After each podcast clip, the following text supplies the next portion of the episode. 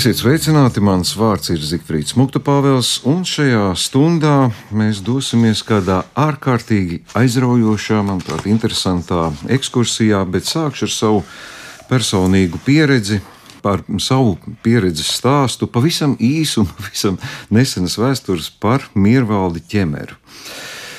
Kādā rudenīgā, ziemīgā vai ziemīgā rudenīgā pēcpusdienā, atskanot telefona zvanam, izdzirdēju mākslas zinātnieku Ojārs Pārīšu balsi, kurš man teica, ka esot gatavs darbs un pētījums par Miervaldi ķemeru. Eh, protams, ka mans smadzeņu pelēkās šūniņas ļoti ātri sāk domāt, Miervaldes ķemers, Miervaldes ķemers, dzirdēts, nedzirdēts. Mm, bez kauna atzīšos, ka, ja pat būšu dzirdējis, tad informācija ir kaut kur tik dziļi bijis noslēpu, noslēpusies, ka es pat nu, tā nepiefiksēju, kas ir. Un pēc tam, pēc šīs sarunas, es ātri mēģināju meklēt informāciju. Jā, ir mācītājs, mākslinieks. Bet nu jau, jau eh, cilvēks, eh, kuru mēs katru dienu nedaudz zinām, un kuru mākslas muzejos un galerijās darbi netiek eh, eksponēti plašā apmērā, nu droši vien, ka Spārīša kungam būs kāda brošūra, kuru es ļoti labprāt saņemšu un izlasīšu. Tad, kad saņēmu nākamo zvanu, ka man atnesta tā grāmatiņa, nu, ieraugot šo darbu, es apstulbju tik apjomīgu, tik skaistu, tik krāšņu un eh, pēc svara smagu. Es patiešām nebiju gaidījis. Un tad sekoja nākamais piedzīvojums, ka es sāku eh, iedziļināties saturā, personības eh, būtībā, vēsturē, viņa paveiktajā. Un patiešām laikam svarīgākais personības būtībā, uz ko man gribās likt um, uzsvaru, uh, Nu, lūk, Mirvauža ķemera personība šīs stundas laikā. Es pieļauju, ka daudziem būs kā jaunatklājums. Es ļoti gribētu cerēt, ka daudziem tas būs atgādinājums un daudziem būs aicinājums iepazīt un uzzināt daudz ko par Latvijas mākslu. Eh, to, ko jūs nezinājāt, un to, ko varbūt mēs sen būtu pelnījuši zināt, jo šodien mums ciemos ir mākslinieks Ojārs Spārīts. Labdien! Labdien! Spārīšu kungs, nu es izstāstīju tādu savu ļoti banālo, vienkāršo uvertīru, bet Nu, es zinu, ka grāmatā jūs aprakstāt ļoti delikāti savas personīgās attiecības, bet es tomēr gribētu lūgt, vai jūs nevarētu arī izstāstīt tagad radioklausītājiem. Jums ir ļoti privātas attiecības saistībā ar Miervaldu ķemeru. Jūs arī šobrīd esat atnesis viņa rakstītās, nu, klades tā es teikšu Tātad jums ir bijis ciešs tiešs kontakts, jums ir eh, ļoti simpātiska viņa personība, un jums ir ļoti simpatizē viņa māksla, un to nevar nepamanīt, lasot šo grāmatu. Bet kāda tad bija tā iepazīšanās? Kā jūs satikāties? Zifrīd, es jums pateicos par šo iespēju, jo tas, kādā veidā jūs stādījāt priekšā mūsu šodienas sarunas tematu un Mirvaldi ķemeru mācītāju, varētu teikt, domzīme gleznotāju ir ļoti mm, parasts latviešu caurmēra, inteliģentā cilvēka stāsts, kuru varētu izstāstīt ik viens. Jo mm, šī personība, kuras dzīve, varētu teikt, ka it kā dalījās divās daļās mācītāja darbā, tātad Lutāņu teologa darbā un gleznotāja misijā. Pie tam vēl Latvijas PSR ar 1947. gadā Latvijas PSR Mākslas akadēmijā izrakstītu diplomu apveltīta diplomēta mākslinieka dzīvi. Lūk, šo mēs varētu teikt, uzskatīt jā, par savā veidā likteņa paradoksu. 1902. gadā dzimušajam un 1980. gadā mirušajam cilvēkam, kura uzvārds liek savā veidā sāusīties, vai tikai viņam nav kaut kāda saistība ar ķemeriem, ar ķemeru miestiņu. Protams, ka Bet ir. ir. Protams, ka ir. Bet viņa dzimta patiesībā sakot, viņa dzimtas saknes nāk no smārdes pagasta, un tur ir, kā teikt, bijuši šie e, dzimtas sākumi, bet ķemeru vecajos kapos, pa kuriem, kā saka, cilvēki daudzi nezina, bet uzzina, varbūt pamana, kad iet uz ķemeru puro taku, tīrelī iekšā. Tur ir tāda maza kāpa, un tajā guļ dažas veco ķemernieku dzimtas. Un tur ir, protams, kā saka, Mirvaldes ķemera senči un, un dzimtas piederīgie, lai gan pats Mirvaldes ķemers dus eh, Rīgā eh, meža kapos. Nu, un šai brīdī gribas teikt, ka es esmu ļoti gandarīts par to, kā šī grāmata, par kuru jūs sajūtāt, jā, ka viņa patiešām ir iznākusi smaga, apjomīga, bet labi, kad arī skaista, eh, ir kā sava veida mūsu autoru kolektīva eh, dāvinājums Vilhelma Purvīša 150. dzimšanas dienai. Jo beigu beigās es pats kā mākslas vēsturnieks esmu sajūtis visu laiku, cik liels ir bijis tas pievilcības spēks un ar cik lielu entuziasmu muzeja darbinieki un mākslas vēsturnieki pēta pašu Vilhelmu Purvīšu personību, biogrāfiju, viņa darbus un meklē, kuri ir pazuduši, kuri atradušies un kuri vēl varētu atrasties. Un laiku pa laikam uzpeld jautājums arī kas ir purvīši studenti bijuši, kas ir bijuši tie, kas ir varējuši būt laimīgie un saukt sevi par meistara, dabas skatu meistara darbnīcas audzēkņiem un sajust šī brīnišķīgā meistara pedagoģiju, acu skatienu, rokas spiedienu, pamācības un saņemt tādu ceļa maizi visam savam mūžam. Jā, mēs šajā gadījumā varam sacīt, ka Miervaldes ķemers ir bijis tas laimīgais cilvēks, kurš jau 1927. gadā iepazinis meistaru Vilhelmu Purvīti, viņu uh, pazīst un var saukt par savu draugu, domu biedru, kaut gan viņš saglabāja ar meistaru ļoti hierarhiski piezemētas attiecības. Viņš nekad nebija ar meistaru familiārs, viņš nekad meistaru neuzlūkoja kā, kā sev līdzīgu, bet vienmēr no apakšas, kā uz džomalungumu, skatījās, lūk, tur ir meistars, tur ir ģēnijs, es esmu tikai šeit, staigājošs pa zemes virsmu, un labākajā gadījumā centīšos viņam līdzināties. Jā, Mirvaldis Čemers kā mākslinieks Baudīja Mākslas akadēmijas izglītību, baudīja purvīšu labvēlību un pavadīja viņu arī pēdējās dienās projām uz emigrācijas kuģi, kas 44. gada rudenī no Rīgas ostas jā, ar nelielu velkonīti aizveda uh, Vilhelmu Purvīti kopā ar viņa mantojumu. Ja varbūt saka, tas jau bijis aiztransportēts kādu laiciņu agrāk, bet nu, katrā ziņā kara beigas un uh, motivācija doties trimdā, kas ir nākusi gan no okupācijas iestāžu puses, gan arī saka, cilvēkiem pašiem apzinoties to, kas varētu sekot pēc Latvijas atbrīvošanas tad nu, arī, kā saka, Miervaldim ķemeram lika izšķirties par to, ka viņš kā mācītājs ir vajadzīgs savai draudzēji, bet Vilhelms Purvīts, kā mākslinieks ar pasaules vārdu, droši vien, kad arī pasaulē neizšķīdīs, nepazudīs un neizkusīs. Atkāpe ir par to, kas mani saveda kopā ar Mirvaldi ķemeru. Varētu sacīt, ka es nevaru lepoties ar ļoti garu Mirvalda ķemera pazīšanu, bet tā ir piecu gadu garumā. Un piecos gados taču arī kaut ko var iespēt. Jo tad, kad es studēju universitātē, filozofijas fakultātē, mums bija tāda lieta kā folkloras prakse. Sūtīja profesori mūs uz laukiem, pierakstīt pasakas, teikas, tautas dziesmas, meklēt, nu, ko nu mēs katrs atradām. Un tā klejojot pa Madlienas, ķeipenes, suntažu apkārtni, es eh, uzdaros cilvēkiem, kas saka, ko tu te meklē pie mums? Tev taču Rīgā ir tur, kā teikt, ja, um, Juglas ezera krastā pie papīra fabrikas dzīvo, kā saka, Brencēna radiniece, mākslinieku Brencēna, ja šai gadījumā Kārļa Brencēna māsas meita Marta, kas ir iepriecējusies teologa ģimenē, kļuvusi par Martu ķemers, bet viņa ir liela tautas dziesmu zinātāja, viņai ir daudz pasaku, viņai ir daudz kas, un iedod man adresi.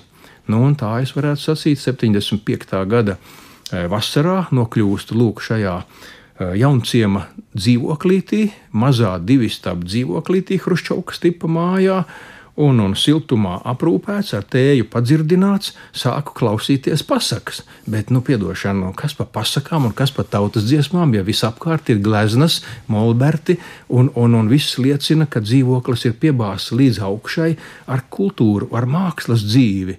Un, un galu galā vēl liekas interesantāks par Martu ķemers, ir viņas dzīves biedrs, Miervaldis ķemers, kurš man paver, teikt, ja, šo aizliegto vai, teikt, nezināmo tajā brīdī neiepazīto pasauli uz Mākslas akadēmiju, uz pirmskara laika mākslu un vilkdams ārā no plauktiem pa kādai savai skicei, pa studijai, pa gleznai rāda, redzi, tā es gleznoju Tā mani mācīja.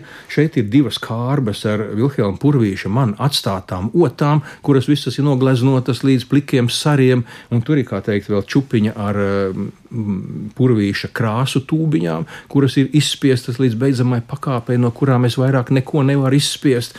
Un, un, un man ir purvīša palete, jā, kas ir atstāta viņam aizbraucot trimdā.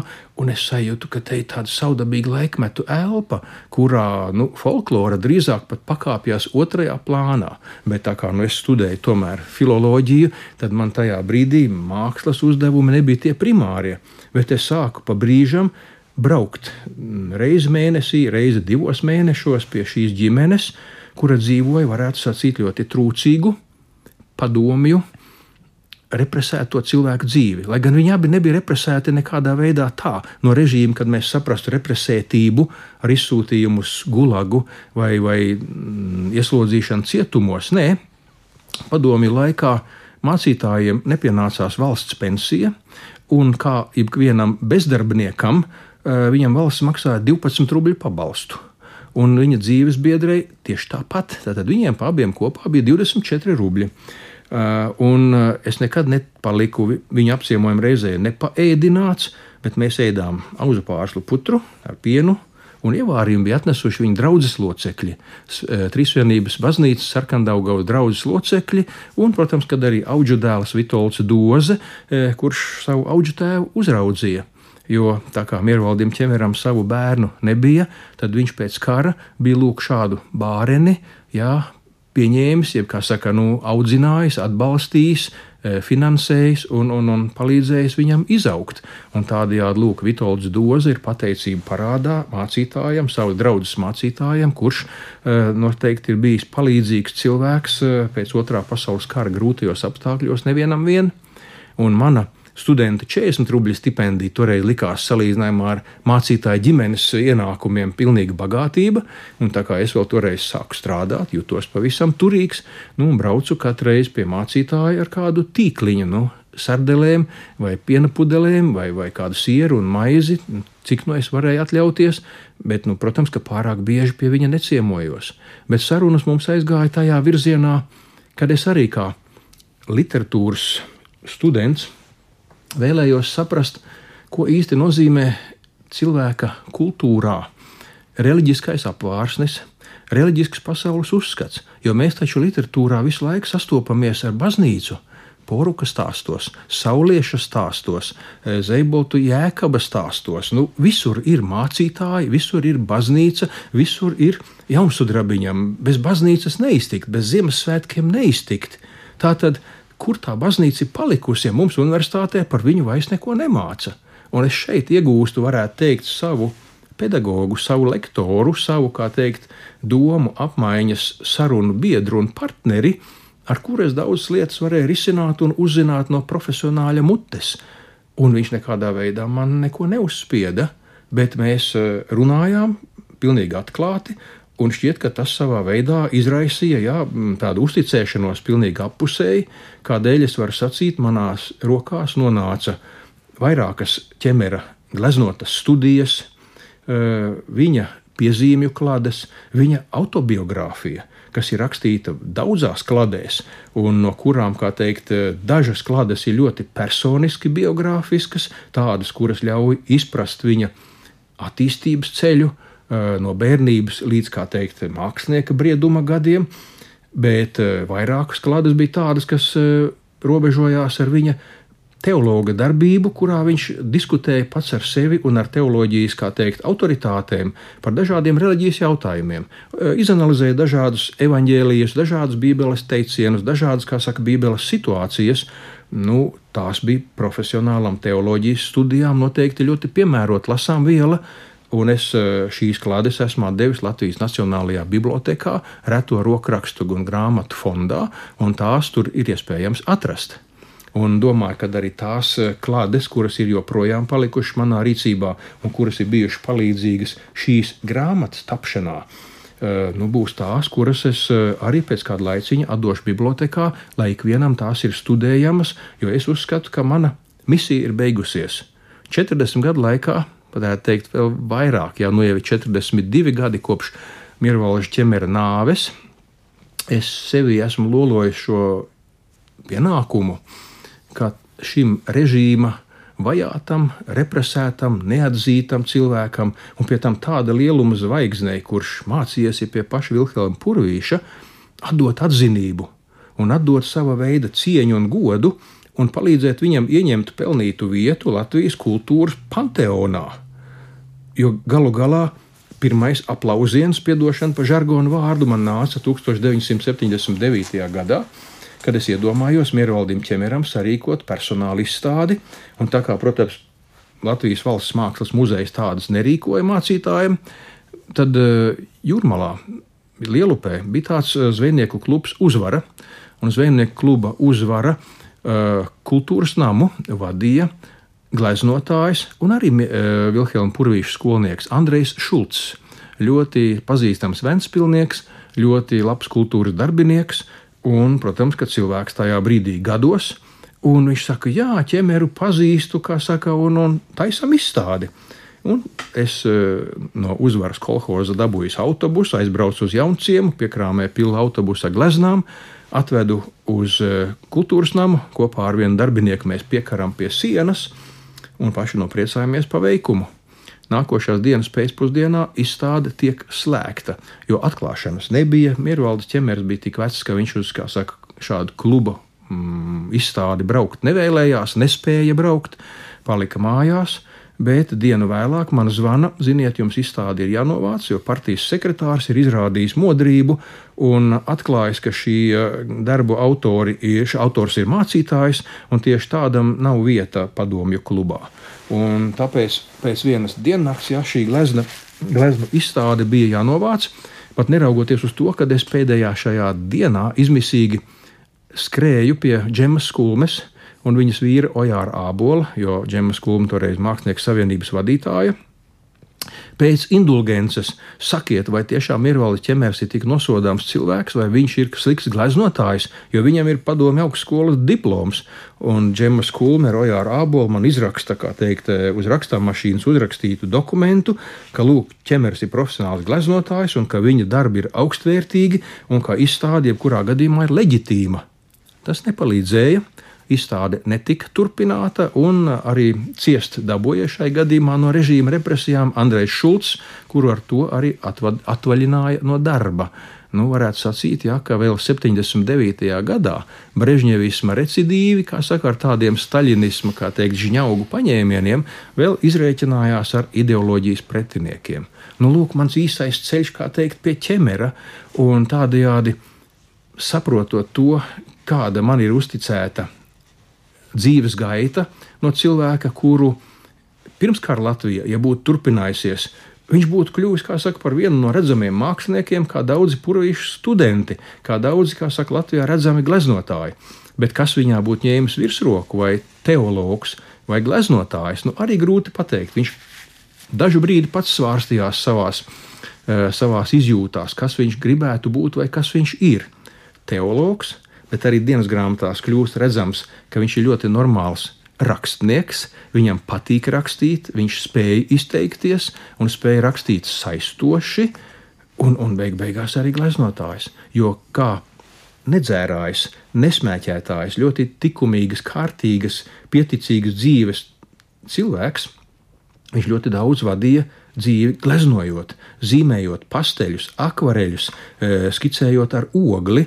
Un man šķiet, ka viņa mantojums, kura liela daļa vēl joprojām ir neatklāta, e, neatklāta, neapzināta, e, jo atrodas, kā saka, nu, diemžēl ne visiem pieejamā vietā, privātās rokās, tad tomēr kaut kad šai, šim krājumam droši vien būs lemts parādīties dienas gaismā, un iespējams, ka arī šai mūsu grāmatai, kur iznāk Vilhelma Purvīša 150. jubilejas gadā, varētu sekot turpinājums.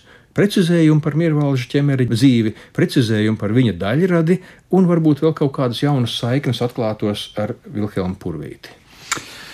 Es gan radio klausītājiem atgādināšu, ka mūsu studijā Ojārs Spārīts. Es uh, ar nemazāku aizrautību klausos jūsu stāstītajā, kā lasot šajā grāmatā, kur nav tikai jūsu sadaļa. Šeit ir vairākas sadaļas, ko Signai Irbei noteikti jāsaka, ir milzīgs paldies par eh, to biogrāfisko daļu.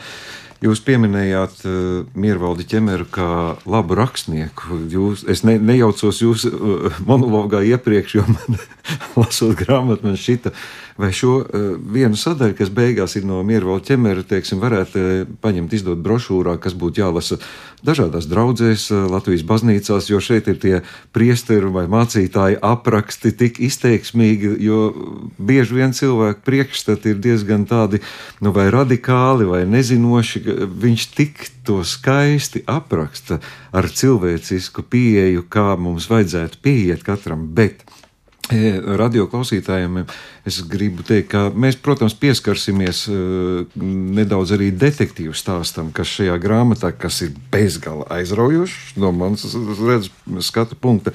Bet Pats galvenais tomēr man šķiet, ka pa, ir jārunā par to pašu mākslu glezniecību. Purvīša audzēknis, kā jūs teicāt, noslēdzošais purvīša audzēknis.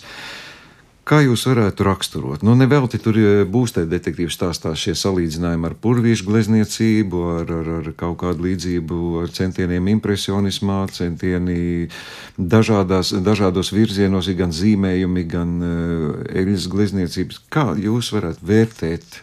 Nu, tīri, ja tagad jums nolikt priekšā, jūs ne, nepazīstat ne šo cilvēku, ne šo biogrāfiju, kāda tad ir tā viņa glezniecība?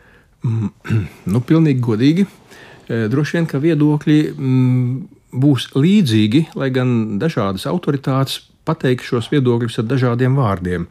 Gan šobrīd lielu, milzīgu, kā teikt, rakstu krājumu un monogrāfisku rakstu izdevusi un publicējusi Kristiāna Ābele, kura Purvīša jubilejas gadā ir, kā saka, gan līdzautore izstādēji, gan grāmatāji, gan arī varētu teikt mūsu profesori kopīgie. Tatjana Kačalova un, un, un, un Edvards Kļaviņš, kuri 20. gadsimta mākslā eleganti orientējās, gan tieši tāpat arī mūsu Latvijas Nacionālā Mākslas muzeja krājuma glabātāji, kuri ar purvīšu darbiem saskarās un uz viņiem, kā teikt, lūkojas ikdienas un papildina faktus par šiem darbiem un mēģina tos interpretēt, lai viņus vēl labāk iaustu tādā Latvijas un reizē Eiropas kultūras audumā. Mm, Miervalža ķemera glezniecība ir noteikti subordinējama viņa skolotāja glezniecībai.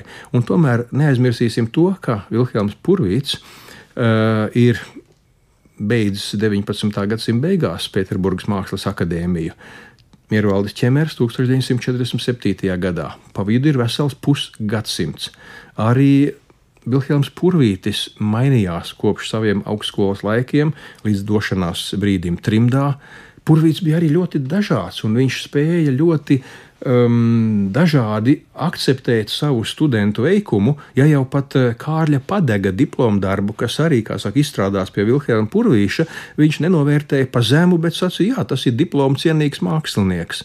Un Mirvalža ķemera otrs triepiens un krāsu ziets uh, lielā mērā ir kā purvīša ēna, kā purvīša spogulis. Jo neparvelti 27. gadā, kad Rezeknē iepazinies ar meistaru tieši tāpēc, ka viņš piedalījās, ja tika uzaicināts, kā teikt, purvīša māsas bērnu iesvētību pasākumā, un iepazinies un parunājies ar meistaru. Abi divi saprot, ka abiem māksla ir tuva, un ka Miervaldis ķemers arī no bērnības ir tiecies gleznot, zīmēt, un viņam šī tieksme ir bijusi, kā saka, nu nekādā veidā ne, mm, ne, neapslēpjama. Purvīts viņu aicina pavadīt viņu pa rēzekni. Nu, un, protams, ka pavadot pa rēzekni, Miervaldis ķemers spēja tikai nest meistara krāsu kasti, ķeblīti salokāmo un asistēt, jā, varētu teikt, pie meistara un stāvot viņam aiz pleca, uzmanīgi lūkoties, ko meistars dara. Un tādējādi lūk šeit izpaužās tā nu, varētu teikt, sirds šķīstā cilvēka, Miervalža ķemera, kā mācītāja un reizē, kā saka, ļoti dievbijīga, ļoti godprātīga, ļoti goddevīga cilvēka, lielais respekts pret cilvēku, kas ir kaut ko sasniedzis mākslā. Un nekādā veidā nevarētu šeit teikt, ka mm, ķemers būtu izaicinājis purvīti uz sacensību, bet, bet, bet neizbēgami Vilhelms Purvīts taču rosināja ķemerā studijas zīmēt glez, un gleznot, gleznot gleznas, kompozīciju redzēt, krāsas redzēt, līdzīgi tam, kā viņš to dara. Un pie tam daudzām fotografijām, kurās Miervaldis ķemers ir fotografējis savus darbus, un otrā pusē uzrakstījis darba nosaukumu un rašanās gadu, stāv piezīme: Šo darbu Vilhelms Purvīts paslavēja. Šo darbu Vilhelms Purvīts ieteica gleznot tālāk no studijas par lielu gleznu. Un tādējādi lūk šī mm, respektētā attieksme, ar kuru audzēknis sava meistara žestu, krāsu, kompozīciju, e, kārtības mīlestību, pat pedantismu centās ievērot. Bet, protams, ka viņš apzinājās vienu lietu. Man te ir noteikti no viņa dienas grāmatas citāts, lai Dievs dod man to atrast, jo patiesībā sakot, e, šeit ir moments par to, kā ķemers raksturo tieši purvīti, purvīša darbnīcu. Viss lielums tomēr ir no mana pirmā profesora Vilhelma Purvīša. Tas ir citāts no dienas grāmatas. Esmu viņu iemīlējis kā Latvijas dabas skatu lielmeistaru, un tas ir palicis manai mākslai pamatā. Te, lai neaizmirstam mēs, mākslinieki, ka pamatā ir jāņem viens autors, skola un meistars. Tā arī meistars vada mūsu mākslinieka dzīvi nākotnē. Tas notiek tīri neapzināti, Ne par velti mūsu darbnīcu sauca par purvīša darbnīcu, un arī iznāca mazi purvītēni. Tikai ne visi tādi paliek. Ātri vien tie zaudē kopējo klases stilu un pāriet uz savējo, personīgo un īpatno. Nekur tik liela dažādība, kā tas bija purvīša darbnīcā. Starp viņiem nevien ievērojami peizāžisti, bet arī figurālisti un žanristi. Lūk, šeit jau, kā saka, ķemers pasaka to atslēgu, ka purvīts nebija dogmatiķis, un ka tur purvīts piecieta un ļoti labprāt veicināja eh, savos audzēkņos dažādību. Bet, ja kāds bija, kā saka, tik ļoti liels ainavas dievinātājs kā ķemers, ķemeram praktiski figurālu darbu nav. Uh, jā, viņš izstudēja studiju laikā, gleznojis aktus. Tas bija studiju laikā, tas bija jādara. Studiju laikā viņš ir gleznojis, protams, arī daudz ko citu, un arī pēc tam viņam ir patikusi arhitektūra, uh, Rīgas skati, priekšpilsētu skati, Kundziņu sala, Maskavas forštate, Tukums un, un, un, un Kārsava. Jā, ļoti, ļoti daudz, kā saka, dažādu pilsētu motīvu. Tā kā grūti pateikt, kura, uh, kura ainava viņā dominētu, var sacīt, ka pilsētu namu geometrija un ielu perspektīvas un, un, un šīs krāsu kombinācijas, kurās ķemers ielika iekšā to no purvīša iemācīto, ieraudzīto beļģiski krāsaino, ja varbūt rubensiski krāsaino pasauli, ar kuru parādās spēks. Jo, ja dzīvē ķemers jutās savā veidā, depresīvs, varbūt brīžam kaut kur raudulīgs pēc rakstura, brīžam varbūt kaut kur tāds mm, pazemīgs, tad krāsās viņš liesmoja. Krāsās viņš varbūt ieguva pilnīgi citu jaunu enerģiju un spēku un apliecināja sevi, ka viņš ir, kā saka, elpot, dzīvot, radīt spējīgs cilvēks. Jā, bet atkal, kā teikt, dzīve, realitāte viņam šos spārnus aplauza. Taču līdz 1947. gadam šķita, ka viss ir normāli, ka viņš ies uz priekšu un ka dzīve viņam ļaus.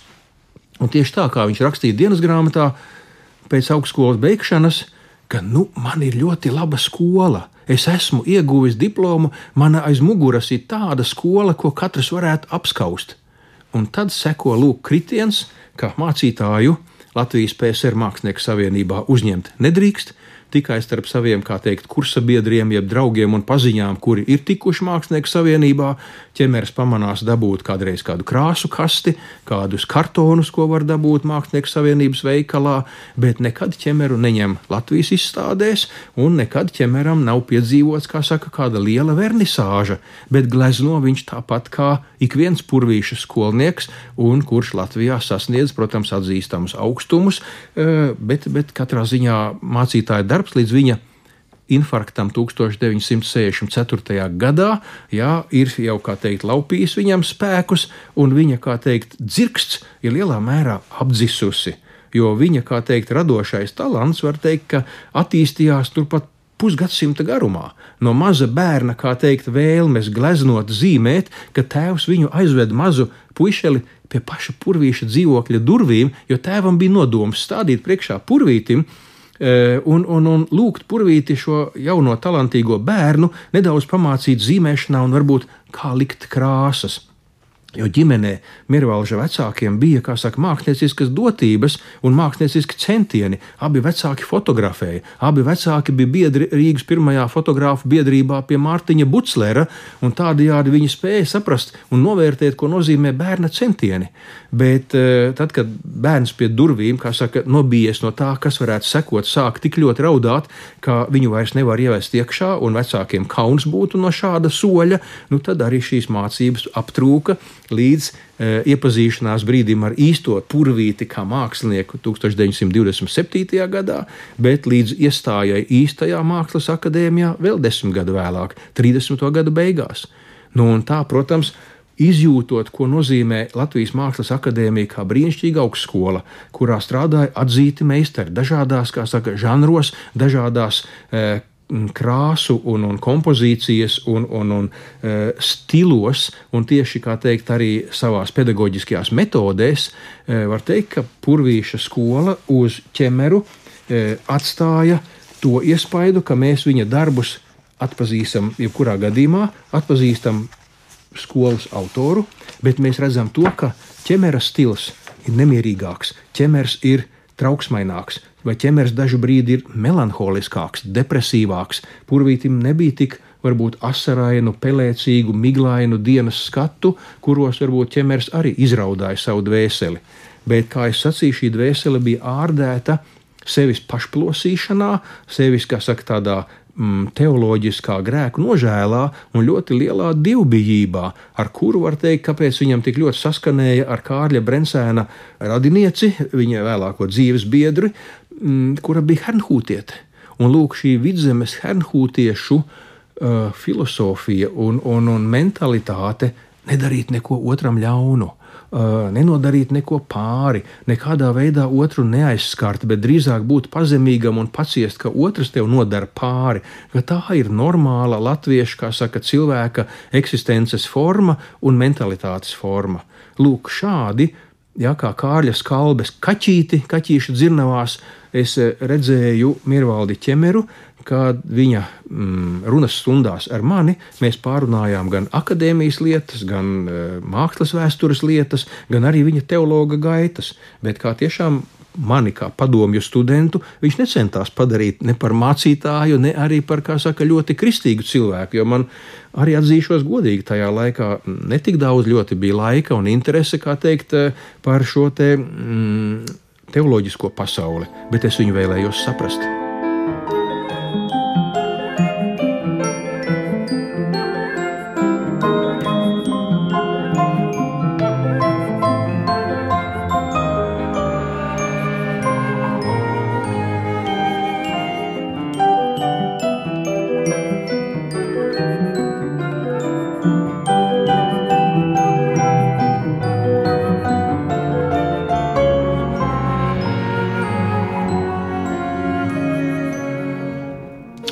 Pasaulē ir ļoti daudz piemēru, un uh, vienmēr tiek uzsvērts tas, ka, ja tu esi tikai labs gleznotājs, ja tu esi tikai labs komponists vai es nezinu, kādas vēl mākslas pārstāvi, ar to diemžēl ir par maz, jo mm, pasaules kārtība, tā pasaulīgā kārtība prasa, lai tu arī prastu sev pasniegt, tā tad prasa arī nedaudz sliktās īpašības. Uh, bezkaunību, uzstājību, sevis iznešanu, respektīvi biznesmenim jābūt mūsu, mūsu valodā. Šī divu autoritāšu parādīšanās man šķiet arī tas, ko jūs teicāt. Viņam ir divas autoritātes. Viens ir dievs, otrs ir purvītis. Tās noteica viņa pazemību. Viņš, es arī lasot tas, ko viņš rakstījis, es speciāli meklēju, ka Būs tāda frāze, vai ne, ka tikai tāpēc, ka ir padomju režīms, tāpēc es nevarēju tikt kaut kur uz priekšu. Neparādās nekur nekas. Te par, jūs teicāt par nabadzību. Nu, mākslinieki mēs zinām, brīvības ielas antikvārs bija ļoti laba vieta, kur varēja arī nopelnīt. Tad arī tas neparādās. Tātad šī cilvēciskā īpašība viņam bija tāda, ka ka mēs nebrīnamies par to, ka viņa vārds un viņa darbi nav izskanējuši tik plaši, kā viņš to būtu pelnījis. Tātad tā ir pērle, kuras vērtības lēpjas tikai pašā mākslas darbā. Jā, bet viņa darbus zina teologi, varētu teikt, pēckara paudzes un pirmskara paudzes mācītāji. Miervalda ķemera gleznas rotā Latvijas Lutāņu baznīcas konsistoriju. Miervalda ķemera darbi ir atrodami vienā vai otrā pierīgas baznīcā, pie kuriem kolēģiem, kā teikt, Miervalda ķemers ir braucis ciemos pie mācītājiem, tikties vai, kā teikt, vizitācijas braucienos un ciema kukulim līdzi paņēmis savu gleznu, vai arī paņemot līdzi krāsu kasti un molbertu, kādā brīvā brīdī ir uzgleznojis studiju un to atstājis kā dāvanu, kā piemiņu e, šai konkrētajai baznīcai vai draudzēkai. Viņam nav bijis. E, savā mūžā viņš ir uzgleznojis vienu altāra gleznu Baltinavas baznīcai. Un tas ir, kā teikt, arī tā ir, kā saka, inspirēta no e, grafiska zīmējuma, kurš ir pārcēlums tikai lielā izmērā un krāsās. Nē, e, viņa mm, darbība ir bijusi saistīta ar nedaudziem portretiem agrā jaunībā, kad viņš ir uzgleznojis tēvu, e, bet arī tad, kad viņam vajadzēja gleznot, kā saka, studiju laikā, protams, ka tad ir parādījušies e, figurāli veidojumi no sāniem, no muguras. E, viņa, mm, saka, tāda domu biedre un ļoti laba atbalstītāja un sapratēja bijusi Hilda Vīka, dievture Iedomājieties, jā, un, un ar dievu tur Mirvaldim ķemeram ir brīnišķīga saprašanās. Un šeit nav nekāda pretruna starp to, ka abi ir garīgo vērtību meklētāji. Katrs viņus atrodas savā pasaulē, tikai varbūt pasaules atšķirīgajās daļās. Viens kristietībā, otrs, kā teikt, folklorā un, un, un dzīves gudrībā. Un tādējādi runājot par viņa veiklību vai mm, izdarību, dzīve ir likusi ķemeram mainīties, un pielāgoties. Tad, kad viņa ģimene vēlējās, lai viņš pelnītu maizi ķemeros, kā kurorta grāmatvedis, kā kurorta uzņēmuma, tur, kā saka, kāds klerks, jo viņam būtu tur nodrošināta laba alga. Ķemeros, kā saka, ģimene dzīvo, izdod istabas pavasara atpūtniekiem, nāk kaut kāda naudiņa, un attiecīgi tā tad pastāvīgs darbs, ķemeros, tuvu pie mājām un ar stabilu algu būtu viņam, kā teikt, normāla, normāla iztikšana vismaz ģimenes uzskatos. Bet nē, viņš ir tomēr nemierīgs cilvēks. E, kā mazs bērns no vecākiem, viņš ir pārņēmis fotografēšanas kaislību, nopērk fotoaparātu. Viņš fotografē, viņam patīk šīs mm, darbs, fotografēt, bet tad ko darīt ar fotografijām? Viņš fotografijas pārdod. Viņš tātad taisa fotoportretus un žanra bildes, un tās piedāvā klientiem, ja patiesībā sakot, meklē klientus, kuri pirks viņa fotoprodukciju. Tādējādi mēs noteikti Latvijā vēl nemaz nevaram apzināt, cik daudzos privātos albumos guļ iespējams eh, Miervalža ķemera izgatavotas fotogrāfijas, kuras ir tapušas ķemeros vai kādā citā vietā, viņam kā fotogrāfam darbojoties. Bet toties mēs zinām viņa kā fotogrāfa meistarību, kad viņš ir fotografējis izcilā veidā Kunziņu salu vai Maskavas forštati. Šīs fotogrāfijas ir zināmas un digitāli ieskenētas un pazīstamas, Un, kad es skatos, kādus motīvus viņš ir fotografējis, tie dažkārt, kā saka, ir jau kā kompozīcijas meklējumi iespējamajām studijām un gleznām. Un tādējādi viņš caur skatu meklētāju lodziņu vēro kompozīciju, kuru viņš iemīl ar sirdi, izjūt ar sirdi, pēc tam pārceļ krāsās. Un lūk, fotoaparāts kā palīgi instruments māksliniekam, taču zināms ļoti daudziem no mūsu māksliniekiem, sākot jau teikt, ar Jāni Rozentālu, kura fotografijas, teikt, arī kalpojušas par izēju materiālu viņa gleznām. Un, eh, protams, ka ratiņu stūmējs, eh, malkas cirtējs, celmu lauzējs. Var teikt, ka šādi te e, palīgi darbi, kurus e, atgriežoties no Sibīrijas, mm, kur bēgļos viņam ar ģimeni nācās būt no 1915. līdz 1921. gadam. Tā ir vesela epopeja. Kā izdzīvot Sibīrijā, kā izdzīvot Akmoļinskas, kā saka, apgabala Petropavlovskā, kā iestāties Latviešu strēlnieku pulkā Krievijā, kā ar to, kā saka, tuvoties vēl Eiropas pusē, bet es brīnos, nekur neparādās ķemers kā šāvējs, ķemers kā karavīrs tādā nozīmē, kuram patiktu karš vai darbošanās ar ieročiem. Pat tad, kad atgriežoties mājās, viņš tiek iesaukts obligātajā kara dienestā un dienas gulbenes pusē, un viņa pulks, e, Siguldas pulks, ir stacionēts Jaungulbenes muižā, un, un, un ķemers ir iezīmēts, iedalīts minmetēji rotā. Neviena vārda dienas grāmatas neraksta par to, kā viņš būtu tīrījis minmetēji, kā būtu nesis, ka mīnas, kā malks pagalas sakrautas pāri rokai, kā būtu mēģinājis šaut kaut kādos treniņu nodarbībās. Nē, tas viņam nav.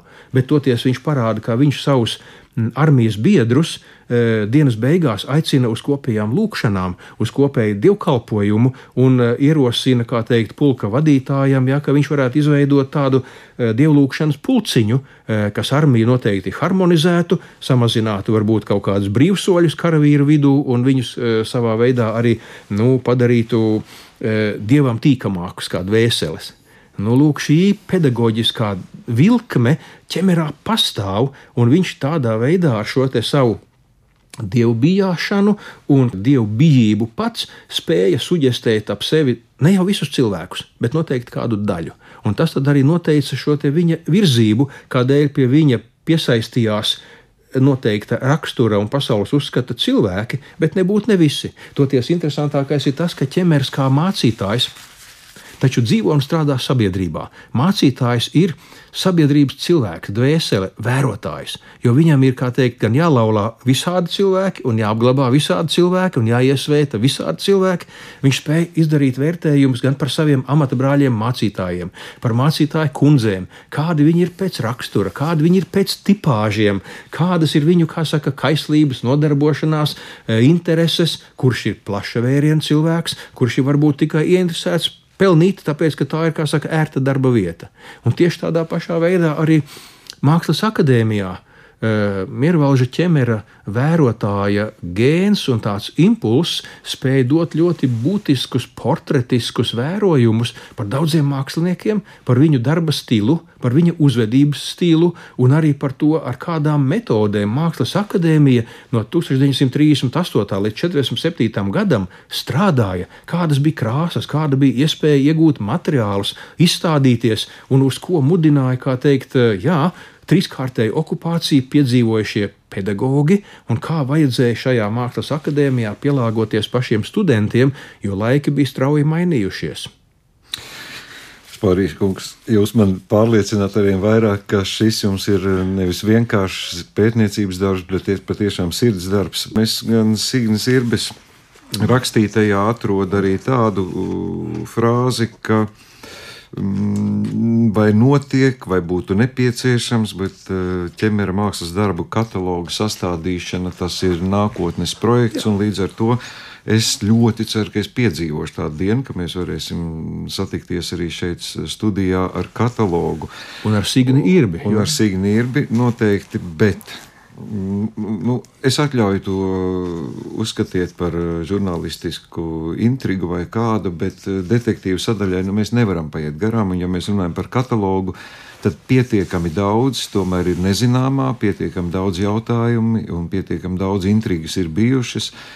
Kā jūs vērtējat, cik lielā mērā ir iespējams apzināt un atšifrēt? Te gan pavīd arī, ka būtu nepieciešams eļļas ekspertīzes un audekla ekspertīzes, vai šis darbs vispār ir paveicams, lai izvērtītu nu, daudz maz par kādiem 90% visu darbu nu, tos līkločus. Ļaujiet, un lielā intriga tad turpināt. Ļaujiet man izteikt komplimentu maniem līdzautoriem, kuri patiesi bez kuriem nebūtu šīs grāmatas. Uh, Signa Irbe ir mana studente, kura rakstīja diplomu darbu par Mirvaldu ķemeru. Tā arī bija mana ierosme, jo man vēl, es vēlējos, lai būtu man kāds, kā saka, asistents, sekotājs, kurš šo darbu darītu, kā teikt, kā tāds arhivārs un precīzi, kā saka, pa stundai mēģinātu rekonstruēt Mirvalda ķemera dzīvi. Un Signa Irbe ar savu pētījumu, kurš jau nu ir pārsniedzis krietni eh, viņas eh, diplomu darbu mākslas zinātnes nodaļas pabeigšanai, eh, ir papildinājusi ar daudzu Latvijas muzeju apceļošanu, biblioteku un krātuju izzināšanu un daudzu citu dokumentu, kā teikt, savākšanu vienopus, lai mēģinātu pēc iespējas skaidrāk stādīties priekšā jā, tieši šo mm, mākslinieku radošo biogrāfiju. Un savukārt, kā teikt, eh, dienas grāmatu daļa, kur, kā jūs redzat, grāmatā ir tieši eh, iespiesta ar dzeltenīgām lapusēm un atšķirās tā kā tās krāsa. Jā, kā krāsa, un tāpēc jūs minējāt, ka viņi varētu būt kā atsevišķi interesants eh, izdevums.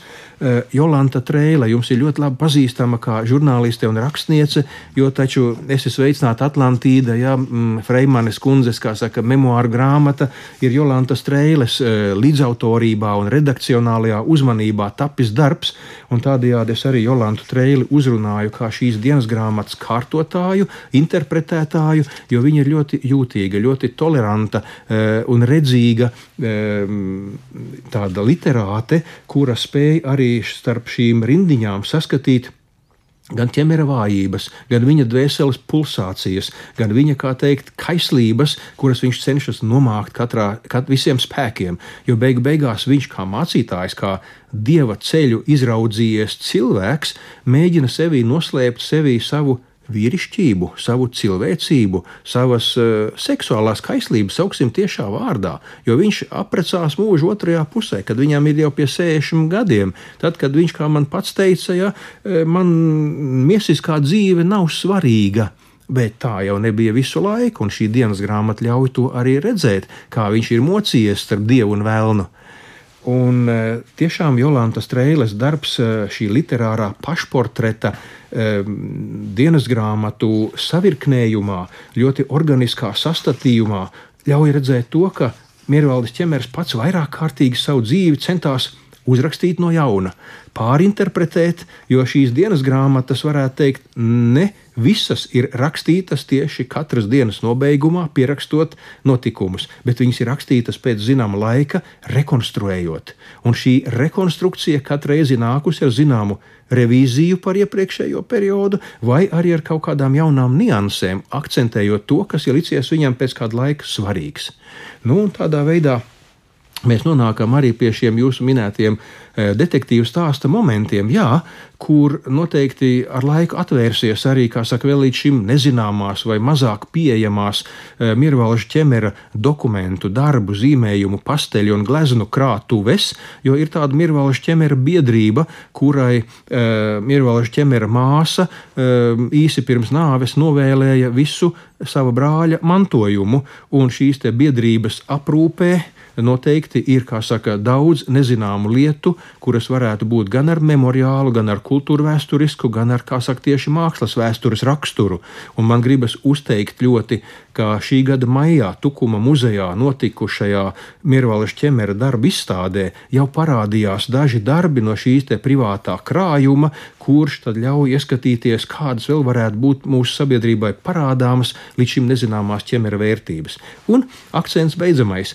Mēs tieši pēdējā mēneša laikā ar Māru Lāces kundzi, ar Mākslas akadēmijas restaurācijas nodaļu, ar Latvijas Mākslas muzeju un krātuju restaurācijas speciālistiem risinām sarunas ar Cietvielu fizikas institūtu un viņa speciālistiem, kuri mums piedāvā sadarbību, ja tikai, kā saka, mākslinieki un mākslas vēsturnieki spēs nodefinēt, ko īsti mēs vēlamies pētīt, lai identificētu, kāda ir purvīša palete, kādas krāsas ir miervaldim ķemeram, ar kādiem, kā saka, gruntīm, lakām un, un pārējiem ķīmiskiem materiāliem strādājuši tie vai citi Latvijas klasiskie meistari, lai varbūt šādu izveidotu etalonu skālu mēs varētu pielikt klāt vienam vai otram neskaidram gadījumam, kurā mēs esam nu, šobrīd jautājumu priekšā, vai tas ir vai tas nav.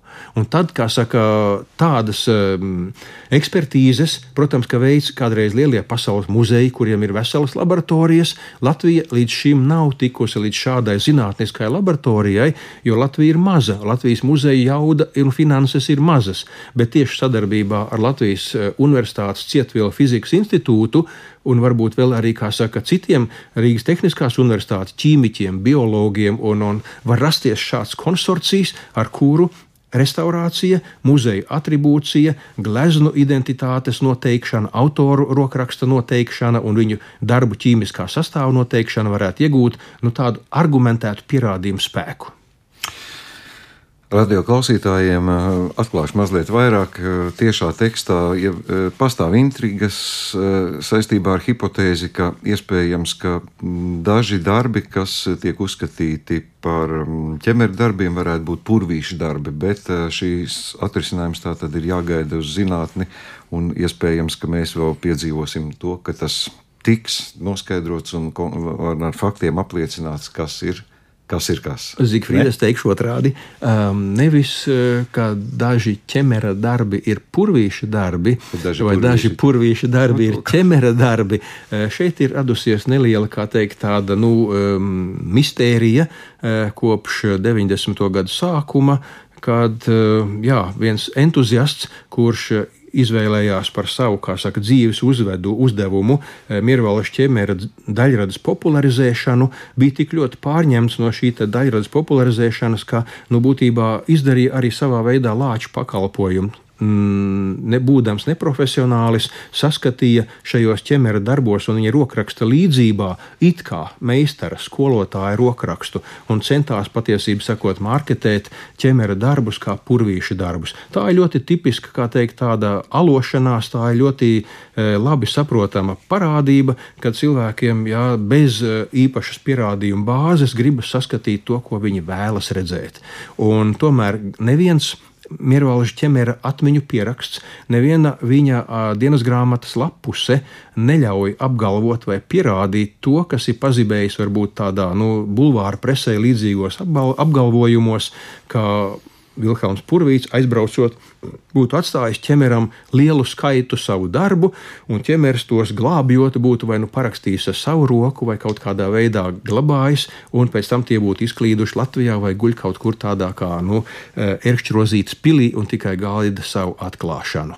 Ja, šeit ir, protams, kā saka, jauka mistērija, jauks, kā teikt, tāds noslēpums, bet e, viņš noteikti laiku noskaidrosies. Un katrs var savu uh, noslēpumu atrast un atklāt arī atverot grāmatu Miervaldes ķemeris dievam un purvītim pateicīgs. Un šodien es esmu pateicīgs mākslas zinātniekam Ojāram Spārītim.